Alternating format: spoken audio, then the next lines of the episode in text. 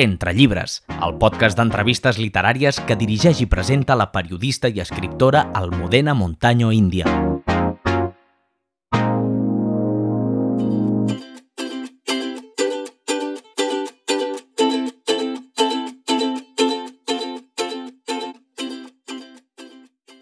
Benvinguts al darrer programa de l'any i també al darrer programa de la primera temporada d'Entre Llibres. Estic molt satisfeta de com ha anat tota la temporada. Per això vull agrair a tots els oients i seguidors del programa per la seva fidelitat i la bona acollida que ha tingut aquest projecte, fet que m'engresca a continuar amb una nova temporada l'any 2023, en la que ja estic treballant i que tindrà moltes novetats que us agradaran molt. Vaig crear el podcast Entre Llibres amb l'objectiu de convertir-lo en un canal informatiu de referència sobre la literatura catalana. Amb el meu granet de sorra vull ajudar a promocionar el sector audiovisual de Catalunya, fomentar la literatura catalana i donar a conèixer els autors que escriuen en català. Durant la primera temporada han passat pel podcast Entre Llibres un total de 20 escriptors que escriuen en llengua catalana.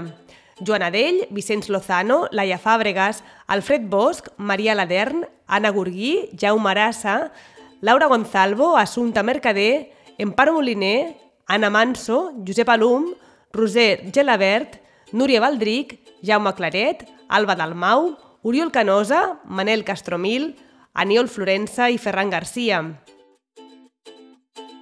Si encara no heu escoltat alguna de les entrevistes, us animo a fer-ho a les principals plataformes de distribució, Apple Podcast, Spotify, eBooks, Google Podcast, Amazon Music i Anchor.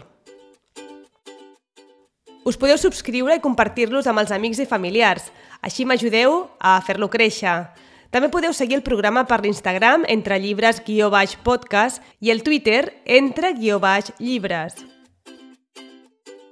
Des d'aquí vull donar les gràcies a tots els escriptors que he entrevistat per explicar-nos els detalls dels seus darrers llibres, per desvetllar-nos els secrets de les seves tècniques d'escriptura i per triar un fragment de les seves obres que jo he dramatitzat per acostar-les als oients. Tots ens han suggerit alguna lectura de llibres i autors que admiren. Jo me'ls vaig apuntar i es vaig escriure a la llista de lectures pendents. Alguns ja els he llegit i realment eren molt bons suggeriments. A mi que m'agrada molt que els escriptors i lectors em recomanin llibres i bones lectures, avui us he preparat un programa especial amb recordatoris de quins llibres ens han proposat els darrers escriptors que han passat per entre llibres, igual que vam fer amb els primers entrevistats a l'especial de l'11 de setembre. Així que agafeu paper i llapis i apunteu aquestes grans obres que ens proposen els entrevistats entre llibres. Novetats literàries. La primera recomanació ve a mans de l'escriptora Anna Manso. Ella ens recomana dos llibres de dues germanes. Sis mesos d'hivern, de la Marta Butxaca, i Les temptacions de l'Eva, de l'Imma Sust. Doncs jo us en recomanaré dos. Dos que han estat escrits per dues germanes, la Marta Butxaca i l'Imma Sust. Porten dos cognoms diferents, però són germanes. La Marta Butxaca és escriptora, és dramaturga i és guionista i ha publicat Sis mesos d'hivern amb Navona, on explica la separació sobtada d'un matrimoni, un divorci, des del punt de vista de la dona i del desconcert i del dolor. I us el recomano moltíssim, es llegeix d'una bufada, eh, és sensible, és dur, és divertit i no podreu deixar de llegir-lo. I l'altre és Les temptacions de l'Eva, Les manzanes d'Eva, de l'Imma Sust, que ha publicat Penguin Llibres i Grijalvo, i que és una novel·la eròtica feminista del segle XXI, on es posen sobre la taula molts temes necessaris sobre la sexualitat de manera desacomplexada, divertida, calenta. Eh, són dues mirades sobre les relacions humanes que m'interessen moltíssim. Si plau, no deixeu de llegir-los i de comprar-los. Els quatre integrants del col·lectiu 19 ens recomanen diferents llibres. La Roser Gelabert, el llibre de poesia La cinquena essència de la pols, de Marta Pera. Jaume Claret ens parla de l'escriptor mexicà Héctor Aguilar i del seu llibre La guerra de Gàlia. Núria Valdric ens recomana La primera persona del singular d'Haruki Murakami i Josep Alum, Ordessa de Manuel Vilas i Quadern gris de Josep Pla. Jo volia recomanar un llibre que ja és de l'any 2018, però que a mi sempre m'ha agradat molt i el tinc sempre a la tauleta de nit, que és d'una poetessa que es diu Marta Pere Cucurell, que es diu La quinta essència de la pols. Uh, aquesta noia, bueno, que amb aquesta obra va ser Premi Recull de Poesia Benet Ribes l'any 2018 i m'encanta. És un llibre que no és actual, és del 90, és d'un escriptor mexicà que es diu Héctor Aguilar Camín i es nomena La guerra de Galio. Aquest llibre és un llibre que tracta de, de periodisme, o sigui que et podria també interessar a tu. La relació de la política i el periodisme i el periodisme amb la política un llibre que crec que és molt, molt actual avui dia. També me centraré en el que estic llegint ara i a la vegada és adient amb el tema de haikus, que, bueno, que no va de haikus, però de, és de l'Haruki Murakami, primera persona del singular.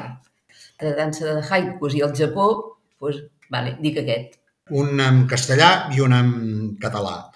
Uh, en castellà, Ordessa, del Manuel Vilas un llibre que vaig llegir abans de la pandèmia i eh, mai he llegit un, un despullament eh, d'un escriptor tan intens, tan ben fet i tan literàriament ben expressat en un, en un llibre.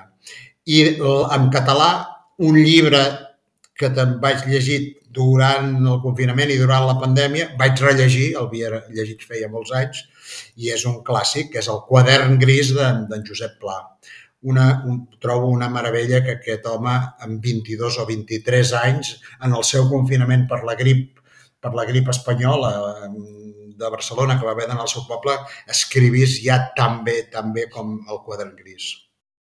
Per la seva banda, l'Alba Dalmau ens recomana el llibre blau de Nebo, de Manon Stefan Ross.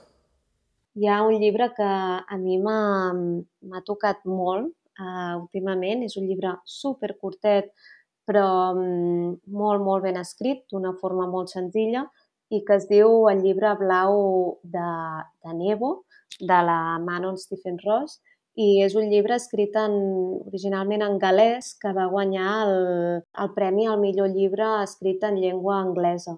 És un llibre que va sobre uh, un món, bueno, el món que coneixem, on ha caigut una bomba nuclear i queden molt pocs supervivents. I els dos protagonistes del llibre són una mare i un fill que escriuen un diari, que és aquest llibre blau de, de Nebo, i en el fons el llibre és um, un diari sobre el seu dia a dia i sobre les reflexions de si és millor la vida abans del final, és a dir, els temps que vivim nosaltres, o la vida després del final, no? un temps eh, en què, en una època en què ja no, no hi ha tecnologia, eh, una època en, en què es torna eh, a l'essència no? i també és com una reflexió sobre eh, l'educació de, dels fills, sobre eh, com ha afectat eh, les xarxes socials, els nostres temps, però tot escrit d'una forma molt, molt naïf i molt, molt extremadament tendre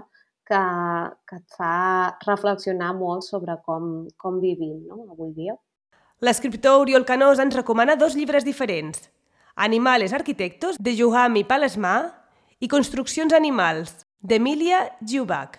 Jo em volia recomanar dos. Uh, el que m'agradaria recomanar un llibre infantil, mm, però recomanar-lo a adults i després agafar un llibre per adults i recomanar-lo uh, als nens i nenes, perquè és, trobo que, que estem molt enganxats a la idea aquesta de que aquest llibre és pels nens de 7 anys i 8 anys, i aquest és pels de 12, i aquest és per adults, i, i això trobo que és una, una cosa que, que ens podríem començar a saltar. Jo sóc molt lector de llibres infantils i, i m'ho he passat molt bé llegint llibres de 0 a 3, i, i hi ha molts nens que, que s'ho passen bé llegint llibres d'adults. Aleshores, els llibres que volia recomanar són un llibre que en principi està pensat per adults, però que m'agradaria recomanar per nens i nenes, que es diu Animales Arquitectos, de uh, Gustavo Gili, editat per Gustavo Gili. L'autor es diu Juhani Palasmà, suposo que ho dic bé, i és un, un llibre sobre com els animals construeixen els seus nius, les seves coves, els seus caus, però amb eh, això, des dels mètodes de, de construcció fins a un munt d'anècdotes i un munt de, de coses que, que els humans hem anat aprenent dels animals durant, durant molts segles. L'altra recomanació que volia fer, que és un, un àlbum il·lustrat de Flamboyant, que en principi està pensat per públic infantil, però m'agradaria recomanar-lo per adults, perquè jo l'he llegit i he après un munt de coses. Es diu Construccions animals, d'Emilia Giubach, i és una mica eh, eh, la mateixa idea, és a dir, de, de com els animals eh, són capaços de fer mm, construccions quasi tan complexes o més complexes que les que puguem fer els humans, però és un llibre que, a diferència de l'altre, està molt il·lustrat, hi han, totes les pàgines estan plenes d'il·lustracions i surten doncs, des dels nius de la, de la cigonya blanca fins a, fins a les mil maneres com les formigues construeixen els seus nius. És un llibre molt, molt recomanable i ja et dic, jo com a, com a adult me l'he llegit i, i n'he pres un munt de coses. L'escriptor Manel Castromil ens convida a llegir No entres dócilmente en esa noche quieta, de Ricardo Menéndez. Recomanar un llibre és molt poca cosa, perquè, clar, amb els milers de llibres que, que es podrien recomanar, però bé, eh, potser dels últims que he llegit i que m'ha agradat molt, com tot el que fa el seu autor, i el, te'l recomano a tu i, a, i als oients, és No entres dócilmente en esa noche quieta, de Ricardo Menéndez Salmón. Doncs com hem parlat abans d'autoficció, que és un gènere que a mi m'interessa molt, aquest llibre n'és n'és un estandard de l'autoficció. La, és un llibre que és molt despullat, no, té, no fa concessions al lector, això és un, és un tema que a mi m'agrada molt. No fer cap mena de concessió al lector, eh, que això vol dir que, per una banda, no el subestimes, el lector, i, per altra banda, l'estimes. I, I és un llibre valent en el qual parla d'expiació, de, de culpa, però també parla de, de la bondat, del concepte de bondat, què entenem per bondat. I també m'agrada perquè eleva al màxim la paraula, la paraula dita. La, li dona un nivell molt, molt alt. Està molt ben escrit, és molt punyent, eh, segueix una mica l'estela d'altres autors i d'altres llibres, com per exemple La isla del padre d'en de, Fernando Marías, segueix l'estela de Luis Landero amb El balcón d'invierno, o l'estela d'en Marcos Giralt amb, amb Tiempo de vida. És una obra molt rodona, molt, molt maca, molt maca de llegir i amb un pòsit filosòfic, per si li faltés alguna cosa, molt important també. L'Aniol Florença ens vol recomanar El Hobbit, de l'escriptor britànic Tolkien, i l'Es d'en Zero, de Brit Easton Ellis. Jo no sé si te l'han recomanat gaires vegades, però jo sóc molt defensor del Hobbit, per exemple de Tolkien. Doncs jo crec que aquest és, és, és una història molt ben parida, d'aventures, molt ben estructurada, molt senzilla. És una bona manera també d'entrar a l'univers Tolkien sense que et malgastis les neurones, perquè segons com hi entris, ostres, et pot fer bastant feixuc. I és, a mi és una novel·la que, ostres, a dia d'avui encara em fascina i encara m'agrada. I, I si només hagués escrit això i si no hagués creat l'univers de, de, de, de la Terra Mitja, la Terra Mitjana, um, ostres, també hagués quedat molt bé. Llavors, jo, Hobbit, sóc gran defensor. Com a novel·la, les pel·lícules no m'agraden tant, però el llibre és boníssim. Després hi ha un altre que a mi m'agrada molt, però que és una obsessió meva de sempre, el que passa que el recomano, però aquest sí que l'has d'agafar... bueno, aquest, cadascú l'agafi com vulgui, que és uh, Less Than Zero, Menos que Zero, de Bret Easton Ellis. És la primera novel·la que va fer Bret Easton Ellis i sempre em va obsessionar molt. Uh, potser l'hauria de... Fa temps ara que no la rellegeixo, eh? I potser no ha envellit bé, però jo crec que sí i em va marcar bastant de dir, ostres, eh, com un, a més era molt jove quan la va escriure, i com un tio tan jove escriu aquesta primera novel·la amb aquest punx que té, i em va fascinar bastant tot com estava, tal com estava estructurada i escrita i el tema que tractava, que era aquesta alta societat eh, de Los Angeles i cocaïna i drogues i rock and roll. Ostres, em va marcar bastant. El darrer suggeriment és de Ferran Garcia, que ens convida a llegir a tots Animat de l'escriptor Guaji Mauawat.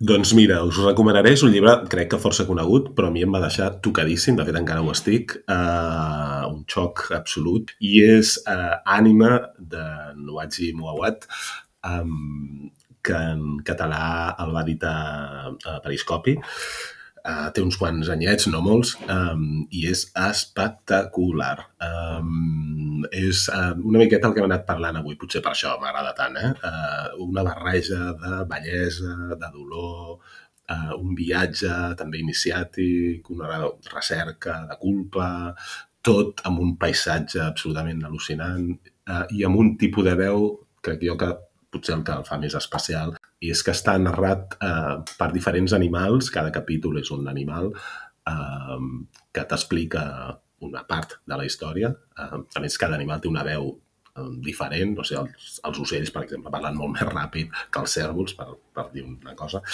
i tot plegat, la manera com, com està construït a nivell formal, la història, la manera com ho explica, eh, tot plegat, eh, bueno, jo crec que és un llibre que sí o sí s'ha de, de llegir. Eh, a mi a mi em va deixar tocadíssim i va suposar un abans i un després i l'he llegit moltes vegades. És una passada.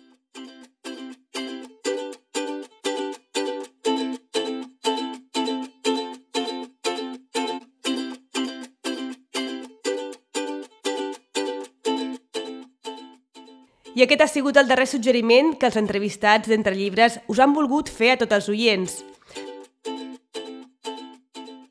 D'altra banda, fa poc us vaig preguntar quins autors volíeu que entrevistés i em vau fer moltes propostes. Alguns ja els he entrevistat i d'altres ho faré a la segona temporada. Així que podeu continuar fent més suggeriments sobre qui voleu que entrevisti. Moltíssimes gràcies a tots per fer possible el podcast Entre Llibres. Aviat tornaré amb novetats que us agradaran molt. Fins llavors, no deixeu de llegir i escoltar tots els programes que encara no heu escoltat.